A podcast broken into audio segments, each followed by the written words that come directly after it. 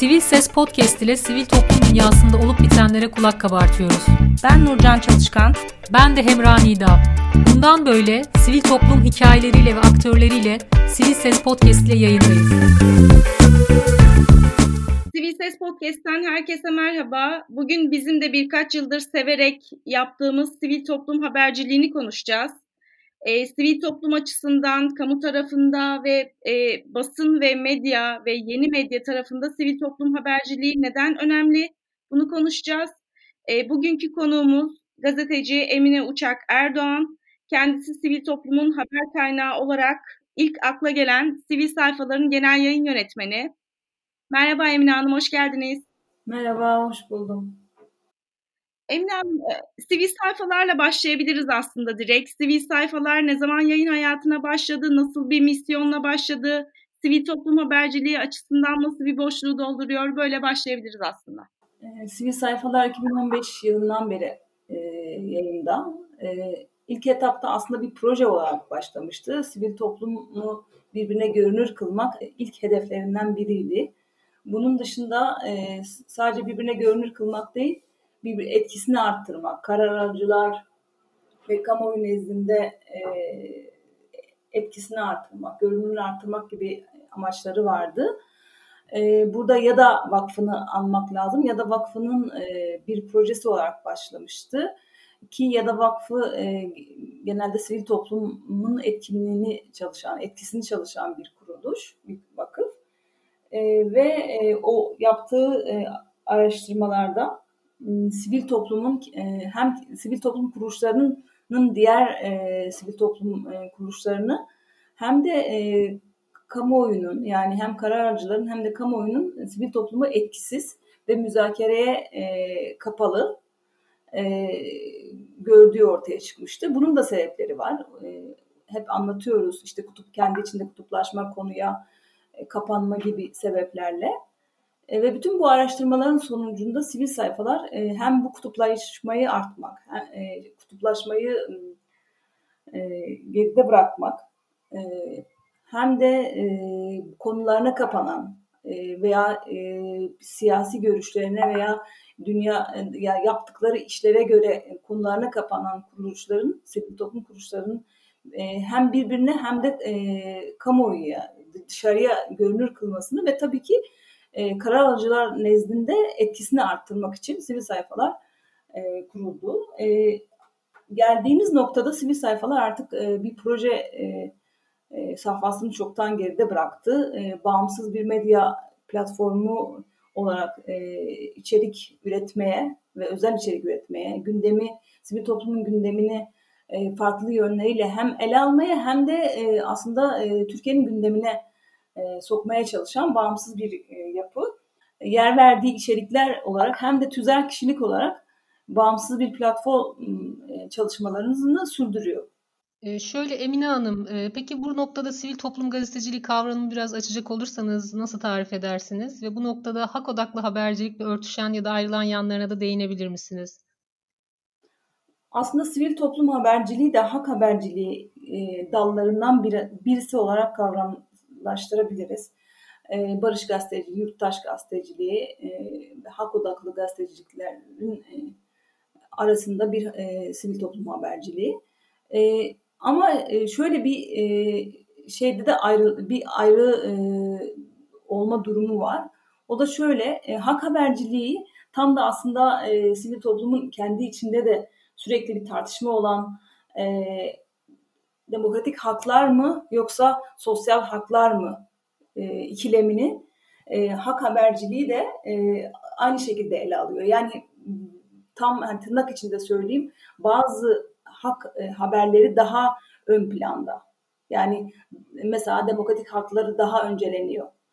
E, ama Türkiye gibi sosyal hakların yani eğitim, sos, işte e, eğitim, barınma, sağlık gibi çok temel hakların bile tam olarak herkese eşit e, derecede değmediği veya gündelik hayatta deneyimlenmediği bir ülkede e, haklar arasında bir hiyerarşi yapmak ya da öyle bir bakış geliştirmek e, açıkçası biraz e, yani doğru bulmadığım e, bir konu.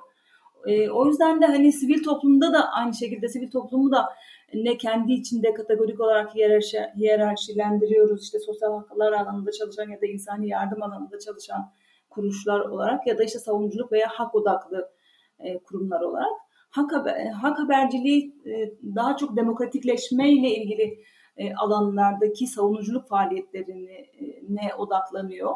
E, bu da çok önemli ve çok e, tabii ki gerekli. Ama e, sivil toplum haberciliği bundan biraz daha geniş olarak sivil toplumun tüm kurumlarının e, çalışmalarını ve e, ondan sonra gündemleştirdikleri konuları esas alıyor. Yani bizim için e, insani yardım haberi veya sağlık haberi, eğitim haberi e, herhangi bir e, demokratik e, haktan demokratikleşme çabasından daha azade değil. Çünkü e, tam da sosyal haklarına kavuşmamış e, bir toplumda demokratik haklardan bahsetmek e, çok da e, etkili değil. Yani, o yüzden de sivil toplum, Türkiye'de sivil toplumun en büyük önemi tam da bu e, sosyal haklar alanındaki e, sorunları keşfetmesi ve bunu gündeme getirmesi. Yani sivil toplumun e, Türkiye'deki en önemli katkısını bu olduğunu düşünüyorum. Emine Hanım, e, sivil toplumla e, gazeteciler ve medya arasında e, ben de ilk sivil toplum haberciliği yapmaya başladığımda e, yani bu e, dil birliğinin ya da sivil toplumun dilini anlayamadığını yani kendi adıma da o dili anlayamadığımı keşfetmiştim. E, bu e, dil karmaşasının yani gazetecilerin, medyanın sivil toplum haberlerine olan ilgi, ilgi düşüklüğünün giderilmesi için e, hem sivil sayfalar olarak hem de e, yani sizin kendi şahsi görüşünüz nedir onu merak ediyorum. Şimdi şöyle e, bir kere e, biraz önce bahsettiğim gibi sivil toplum sorunları keşfetmekte çok mahir. Çünkü sahada, çünkü sorunları biliyor ve bunu aslında e, bilgileştirme, e, bu bilgileri e, bir araya getirme, raporlaştırma konusunda çok uzman. E, ama bunların etki, etkisini, e, daha doğrusu bunların iletişimini yapmakta, bunu e, medya başta olmak, medya organları başta olmak üzere karar alıcılara iletme konusunda sıkıntılar yaşıyor. Ki bunlar aslında e, e, bu sivil toplum kuruluşlarının da fark ettiği bir alan ve üzerine eğildiği hatta çok iyi örneklerini görmeye başladığımız bir konu. E, gazeteciler açısından da şöyle bir durum var. Türkiye'de basının sorunları yani hani işte başından itibaren özgürlükle ilgili, bağımsızlıkla ilgili, arka planda sermayeyle olan ilişkisi bütün bunların hepsini ve şu an işte geldiğimiz noktada e, sansür, baskı veya gazetecilerin yaşadıkları gibi konular ama sadece bunlar da değil. Gazetelerdeki e, uzmanlaşma et, eksikliği yani bütün bu medyanın sorunları geldiğimiz noktada zaten artık e, yaygın medyanın, basılı medyanın çok artık azaldığı, dijitale kaydığı bir dönem yaşıyoruz. Ve bütün bunların etkisiyle e, aslında gazetecilik çoğu e, popüler anlamda hani sorunları keş, e, sorunları ortaya koymak ve bunların çözümü için e, bir iletişim yapmak veya işte farkındalık e, üretme çabasından çok çoğu zaman e, kamunun haklı işlerini yapmak, bazen özel sektörün haklı işlerini yapmaya döndüğü için e, o yüzden hani sivil topluma ulaşıp orada ne, ne var e, ne yok gibi bakma e, şeyi e, tavrı e, ve bu tabii ki e, sorunlu alanları keşfetme mantığı çok azaldı. E, bunu yapabilecek çok az insan oluşmaya başladı. Yani e, sivil toplum ayağında e, böyle uzun uzun raporlar var. Anlaşılması güç e, ancak böyle uzmanlaştırma e, uzmanlaşma gerektiren e, raporlar ve bilgi e, üretme biçimleri var. Gazetecilik ayağında ise zaten refleksleri ölmüş bir gazetecilik. O yüzden sivil toplum gazeteciliği e, bu ikisinin ortasında aslında yeni bir e, tam da yeni medya olanaklarını da kullanarak hem sorunları e, görünür kılmak hem de bunların çözümü için e, çaba sarf etmenin bir e, tezahürü olarak ortaya çıkıyor. Çünkü e, sivil toplumu sivil topluma e, kendi içeriklerini, kendi ürettiği bilgiyi daha nasıl anlaşılır hale getirebileceğini, bunun nasıl farklı içeriklerde oluşturabileceğini e, göstermek açısından bir örneklik teşkil ediyor. Medyaya da, medyadaki gazeteciler de hani halen gazetecilik yapmak istiyorsanız e, işte görüşlerine başvurabileceğiniz ya da işte bilgisine başvurabileceğiniz büyük bir alan var. E, ve bu hak alanından sosyal haklara kadar her konuda bilgi birikim mevcut. Burada bir saha var. Siz de bu, buradan yararlanabilirsiniz'i gösteriyor. Biraz uzun uzun anlattım ama e, yani sivil toplum haberciliği iki tarafın da e, açmazların ortasında bir çözüm e, modeli diyebiliriz.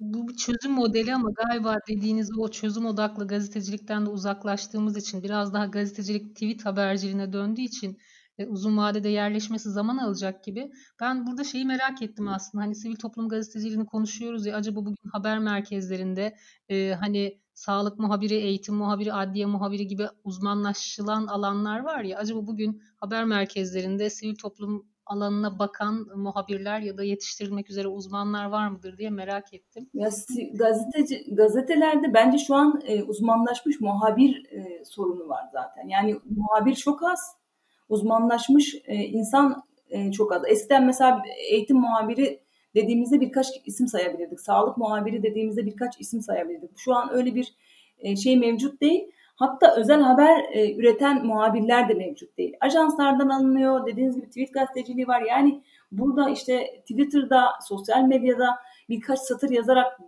gündem olabilmek varken bilgiyi işte o bildiğimiz klasik e, 5M1K e, çerçevesi içinde gerçek anlamda bir gazetecilik yaparak bunu ortaya koyma e, isteği gösterebilecek çok az insan var. E, o yüzden hani aslında çoğu zaman sivil toplumda e, gazetecilerden daha çok bir uzmanlaşma ve konuyu anlama, e, konuyu anlayabilecek insanlar var. Bunlar e, zaten sivil toplum haberciliği ve özellikle sivil sayfalarda biz bunu da hani hep e, amaç edindik ve yapmaya çalışıyoruz. Yani sivil toplumdaki aktörlerin ortaya çıkmasını sağlamak, oradaki bilgiyi, uzmanlaşmayı da e, göz önüne sermek. Çünkü e, mesela eğitim çalışmış, sürekli eğitim çalışmış bir e, STK'da gerçekten hem eğitim muhabirlerinin hem de eğitime yön verebilecek kamu kuruluşlarından daki uzmanlardan daha iyi bir perspektifle sorunları gören ve çözüm önerilerini sıralayabilecek insanlar var. E, sivil sayfalara da e, geçiş yapmışken sivil sayfaların e, nasıl bir çalışma modeli var? Yani serbest çalışan gazeteciler için nasıl bir alan açıyor? Sivil sayfalar öncelikle e, uzunca bir süredir sadece kendi özel içeriklerini yani duyurular, takvim gibi bölümlerinin dışında içerik olarak kendi özel içeriklerini e, yayınlamaya gayret ediyor. Yani transfer içerikleri neredeyse hiç kullanmıyor. E, bu içeriklerin içinde haberler, dosyalar, yazı, köşe yazıları, e, raporlarla ilgili infografikler, çok farklı e, işte podcast, video gibi çok farklı içerik türleri mevcut. Ama önemsediğimiz ve bunu da hani geliştirmeye de çalıştığımız e, bir ağımız var, muhabir ağımız var. Bu muhabir ağını sadece gazetecilerden de oluşturmuyoruz açıkçası. Çünkü dediğim gibi yani sivil sayfalarının e, misyonunda sivil toplumun etkisini arttırmak, sivil toplumdaki bilgiyi görünür kılmak gibi bir e, çaba da var. Ve o yüzden de sivil toplumun kendi içeriklerini, kendi bilgisini etkinleştirmesi için de hem zaman zaman eğitimler düzenliyoruz hem de sivil toplumun içinden muhabirlerin yetişmesini, e, farklı içerikler oluşturabilecek kişilerin yetişmesini sağlamaya çalışıyoruz.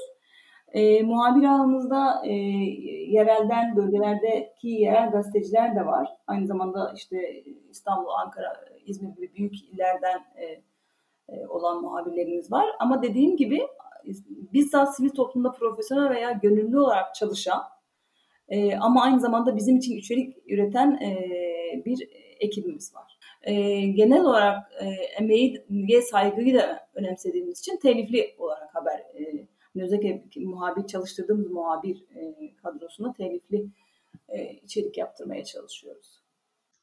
Ben şuna da değinmek istiyorum. Aslında yıllardır hep medya dördüncü kuvvet, dördüncü kuvvet diyoruz ama galiba artık sivil toplum da dördüncü kuvvet.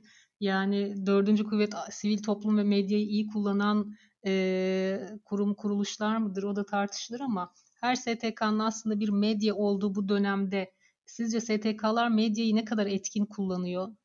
Şimdi bu, bu mevzu Ee, yani sivil toplumun medyayı, e, medyadaki görünürlüğü e, uzun zamandır tartışılan hatta bu konuda işte ya da vakfının yaptığı bir araştırma var. O araştırma raporlarına da e, bakılabilir. Sivil sayfalarda haberlerini yapmıştık. Yani sivil toplum aslında çoğu zaman medyada dekoratif olarak görünüyor. Yani işte bir diyelim ki bir kaymakam veya işte ilin mülki idaresi ya da işte bir bakan bir sivil toplum kuruluşunu ziyaret ettiğinde haberleşiyor. Özellikle bu e, yaygın medyada yani konvansiyonel medyada bu durum bu. Ama bunun değişti, değiştiğini de görüyoruz. Dijital medyada, yeni medyada e, sivil toplum kuruluşları kendi amaç konularına ve çalışma biçimlerine göre e, yer bulabiliyor. E, ben pandemi sürecinin bu e, görünürlüğü e, değiştirdiğini düşünüyorum. E, sadece medyada değil, reklam alanı gibi Ondan sonra e, daha popüler işte magazin şey daha popüler e, reklam mecraları gibi e, şeylerde de e, sivil toplumun e, görünür olmaya başladığını görüyoruz. Çünkü mesela özellikle sektör e, özel sektör açısından pandemi sürecinde reklam yapabilmenin e, belki de meşruiyet kuralı bunu sivil toplum üzerinden, sivil toplumun çalışma konuları üzerinden dillendirmekti. Çünkü insanların hassasiyetlerinin e, çok arttığı bir dönemde halen siz onların tüketim duygularına, insanların yani çok temel yaşama içgüdülerinin konuşulduğu bir ortamda onların halen tüketimle e, elinizde tutamazsınız. Tam da onların e, işte değer katma, bir şey üretme duygularına seslenerek e, belki e, reklam yapılabilirdi ve hatırlarsanız işte e, fazla gıda ya da başka bir sürü e, sivil toplum kuruluşu, kuruluşu ismi bizzat geçerek veya çalışma konusu geçerek reklamlar yapıldı. Bunun dışında e, medya yani görünürlüğü e, sadece medya olarak değil ama bilgisini etkin kılmak anlamında bunun önemli olduğunu düşünen ve bu konuya ya yatırım yapan sivil toplum kuruluşları da var. Yani mesela e, giderek işte bir kurumsal iletişim e, uzmanı e, bulunduran sivil toplum kuruluşları olmaya başladı. Yani eskiden mesela bu diğer kurumlarda olduğu gibi sivil toplumda da nasıl olsa işte herhangi birinin yapabileceği bir iş gibi e, bakılıyordu. Ama bu bunun iletişimini yapmanın e, kendi içinde bir uzmanlık e, olduğu anlaşıldı. İşte uzun uzun raporlar yerine rapor anlaşılacak bir yönetici özeti ekleme, işte basının dikkatine gibi gönderilecek klasik basın bültenleri yerine biraz daha haber kurallarını da içeren e, gazetecilerin çok hani uğraşmadan belki de yer verebileceği şekilde basın bültenleri hazırlanmaya başlandı. Çünkü e, sivil kuruluşları da e, bu bilgiyi sadece e, ortaya koymanın e, başlı başına e, kendi misyonları için yeterli olmadığını anlamaya başladılar. E, söylediğiniz şey de önemli. Tabii ki dördüncü. Yani sivil toplum zaten bir e, bir ülkede ya da işte e, sivil toplum kendi yerinde değilse yani burada e, konumu anlamında söylüyorum. E, bun, bir, bir şey eksik kalmış oluyor. Çünkü sivil toplum e, o da demokratikleşmenin ana adımlarından birisi. Hani medya e, ne kadar önemliyse sivil toplum onun kadar önemli hatta daha çok önemli.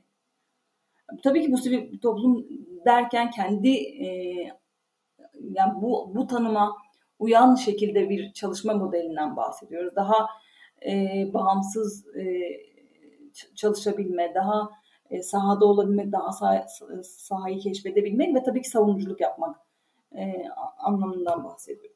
Emine Hanım siz de uzun yıllardır sivil toplumun içindesiniz ve ben aslında şeyi de merak ediyorum. E, ilk olarak nasıl başladı sivil toplum haberciliğine e, yönelme durumunuz ve e, akabinde şunu da sormak istiyorum.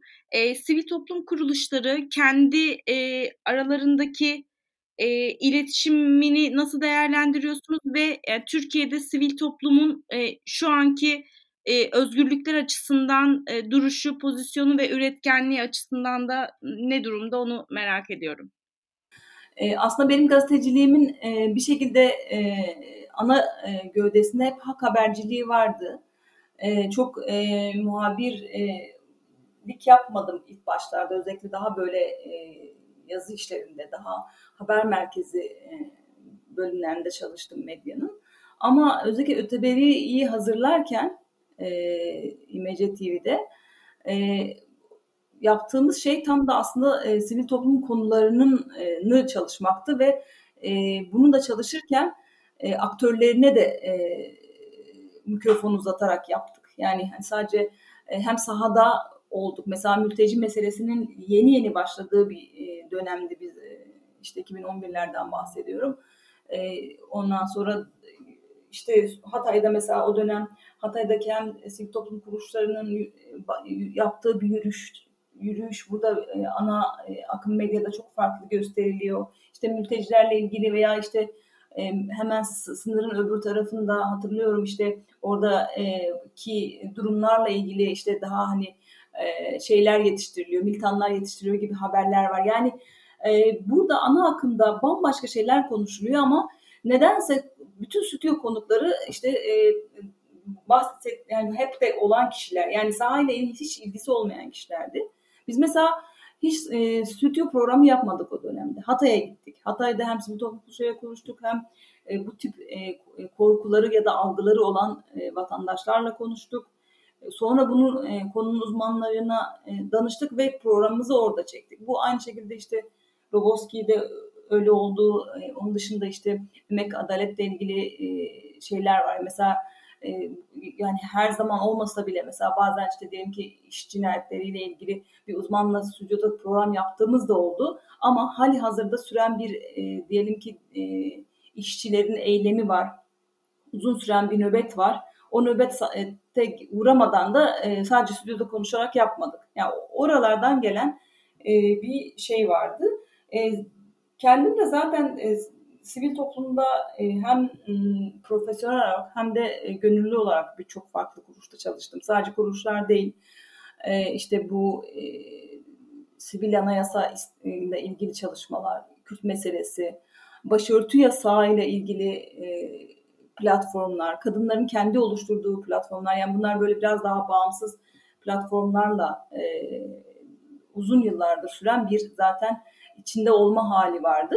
Sivil sayfalar e, benim için de e, yani iki tarafı da yani hem sivil toplum ayağını hem de habercilik ayağını e, buluşturması an, açısından anlamlı oldu.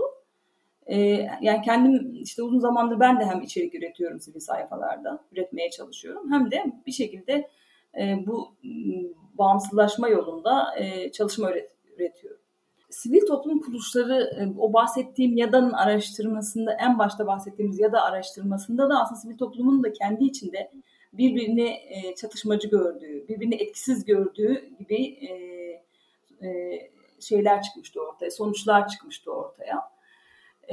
Sivil toplumdaki kutuplaşma yani hem kutuplaşma hem de konuya kapanmanın devam ettiğini görüyorum. Yani bunu aşmak için çaba gösteren sivil toplum kuruluşları da var. Ama e, bu refleksi sürdüren sivil toplum kuruluşları da var.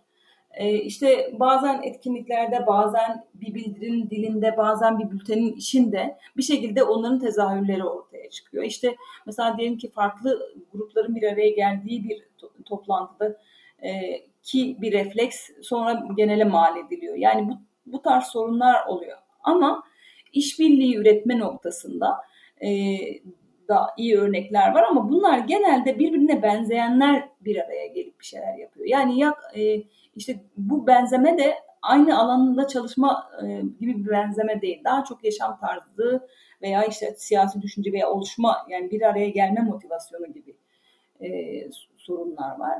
Ki aslında sivil toplumun etkisinin e, artmasını ve e, etkin olmasını konuşuyorsak burada işbirliğinin çok önemi var.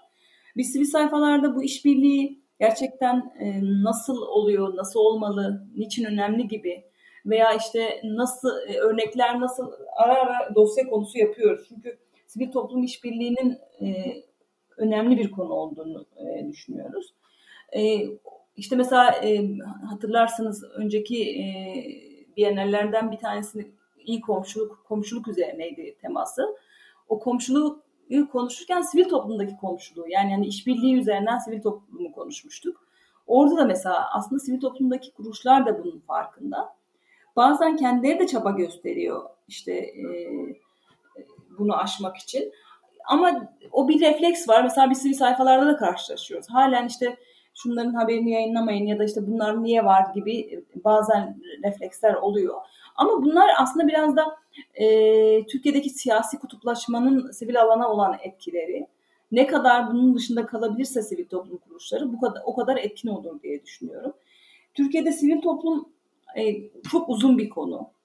E, başından itibaren yani kuruluşundan bu yana işte e, etkin olduğu dönemler hatta bugün işte e, bu kaydı yaptığımız 17 Ağustos depremi sivil toplum e, için e, önemli bir e, şey yani dönüm noktası. Yani uzun bir geçmişi var Türkiye'deki sivil toplum ama bu geldiğimiz noktada yani bugünü biraz değerlendirirsek e, bir şekilde e, sivil toplum o halden sonra işte bazı derneklerin kapatılması sonra Gezi davası biraz sivil toplum alanının daraldığı bir dönemden bahsediyoruz. Ve sivil toplum kuruluşları da çoğu zaman aslında e, bu daralmanın sadece e, bazı derneklerin, vakıfların başına gelebileceği ile ilgili bir refleksin içinde. Yani biz işte e, çocuk çalışıyoruz, ne bileyim hiç alakasız bir konu çalışıyoruz. Biz bunlar siyasi hiçbir konu çalışmıyoruz. O yüzden bunlar bizim e, e, bizimle ilgili değil gibi bakıyor. Ama aslında sivil alanın geniş olması veya baskı altında olmaması e, he, herkesin e, konusu. Ya yani mesela Yiğit Aksakoğlu çocuk alanında çalışan bir birisiydi. Yani siyasi faaliyetler olduğu için değil, tam da çalıştığı alan çocuk hakları. O yüzden hani e, buradaki ki sivil alanın genişliği ve bu e, burada e, iş yapabilme kapasitesi bütün sivil toplum kuruluşları için geçerli. O yüzden bu sivil alanın e, bağımsız olması, baskılardan uzak olması ve e, kendi içinde demokratik olması e, mevzusunu bütün sivil toplum kuruluşlarının önemsemesi gerektiğini düşünüyorum. E, bu bazen e, öncelik olarak e, görünmeyebiliyor bazı sivil toplum kuruluşlarına. Tabii sivil toplum kuruluşlarının hem kaynak hem de e, kurulma motivasyonları açısından e, bir şekilde bir tarafta olma e, gibi sorunları da var. E, bu hiçbir yani aslında hiç kimse bundan azade değil. Çoğu yani işte en bağımsız olduğunu düşünen kuruluşun bile bir şekilde e, bir kaynağıyla ilgili bir bağlantısı oluyor.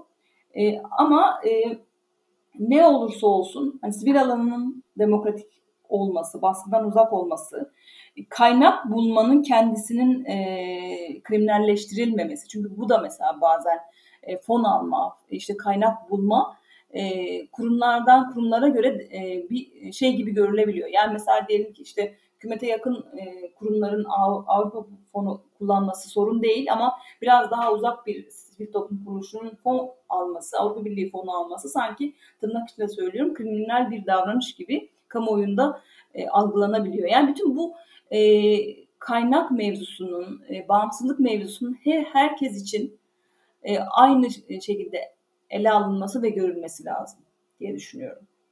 Sivil sayfaların e, geleceğe yönelik başka projeleri, planları var mı hali hazırda düşündüğünüz ya da iş anlamında geliştirmeyi düşündüğünüz projeler? E, sivil sayfalar başta da belirttiğim gibi e, bağımsızlık anlamında, tüzel anlamında başvurularını e, yapmaya hazırlanıyor ya, e, ondan sonra. Bu aynı şekilde kaynak olarak da bağımsızlaştırma ve farklı kaynak e, metotları üzerinde çalışıyoruz. Çünkü sürdürülebilirlik mevzusu e, bütün sivil toplum e, kuruluşları e, için olduğu gibi bizim için de e, bir sorun. Yani e, bütün işte projeler çok büyük bir istekle, e, hevesle başlıyor ama sonra bunu sürdürebilmek e, gerçekten çok sıkıntı oluyor. O yüzden biz e, sivil sayfaları, sivil sayfalar yapan e, muhabir ağını, e, e, sivil toplum haberciliği eğitimlerini, e, organizasyonları, işte farklı kurumları bir araya getirme gibi bir sürü e, çabayı e, devamlı kılmak için e, kaynak arayışlarımızı sürdürüyoruz. Farklı kaynak arayışlarımızı sürdürüyoruz. Yani sadece fon değil, e, kendi içinden de e, kaynak üretebilecek e, kapasiteyi e, oluşturmaya çalışıyoruz. E, tabii ki bu e, e, şey değil yani sonuçta biz bunu sivil topluma e, bir misyon olarak yola çıktık. Yani o yüzden içerikleri e, reklam dediğimiz bir modelle e, yayınlama gibi bir şey söz, asla söz konusu değil ama farklı sponsorluklar, farklı çalışma biçimleri olabilir. E, sivil topluma danışmanlık e, hizmetleri e, vermeyi planlıyoruz. Bununla ilgili girişimlerimiz var. E, bu hem içerikle ilgili danışmanlıklar olabilir hem de özellikle raporların etkinleştirilmesiyle ilgili içerikler olabilir. Sivil toplum alanında çok önemli birikimler var. Bunların e, sözlü tarih çalışmalarıyla e, görünür ve e, kırılmasını ve arşivlenmesi gerektiğini düşünüyoruz. Bu alanda e, çalışmalar yürüteceğiz. E, ve tabii ki muhabir ağımızı genişletmeye, e, içeriklerimize e, aynı şekilde daha e, çoğaltmaya ve, ve tabii ki e, gündemi e, hem sivil toplumun gözünden e, görmeye hem de sivil toplumu aslında bir şekilde gündemle ilişkilendirmeye çalışacak içeriklerle devam etmeyi düşünüyoruz. Peki bu noktada biz de sivil sayfalara içerik üreten muhabirler olarak e, serbest çalışan gazetecilere kapınız hala açık mı? Açıksa başvuru yolu yöntemi nedir? Meslektaşlarımıza da bir duyuruda bulunmuş olalım. Şimdi şöyle e, yani aslında yeni içeriklere her zaman açığız. Yeni isimlere de açığız. E, ama bazen şöyle şeylerle de oluyor. Mesela e, birkaç yere aynı anda e, e, aynı içeriği gönderen kişiler olabiliyor. Veya hemen bir maille iletişim kurduğunda e, içeriğin yayınlanmadı diye hesap sorma durumlarıyla karşılaşıyoruz. Yani bu da e, ayrı bir sıkıntı.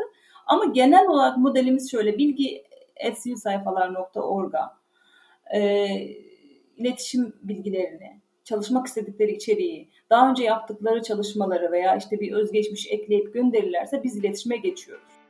Sivil Sayfaların Genel Yayın Yönetmeni Emine Uçak Erdoğan'la birlikteydik. Sivil toplum gazeteciliğini ve sivil sayfaları konuştuk. Bir sonraki yayında görüşmek üzere.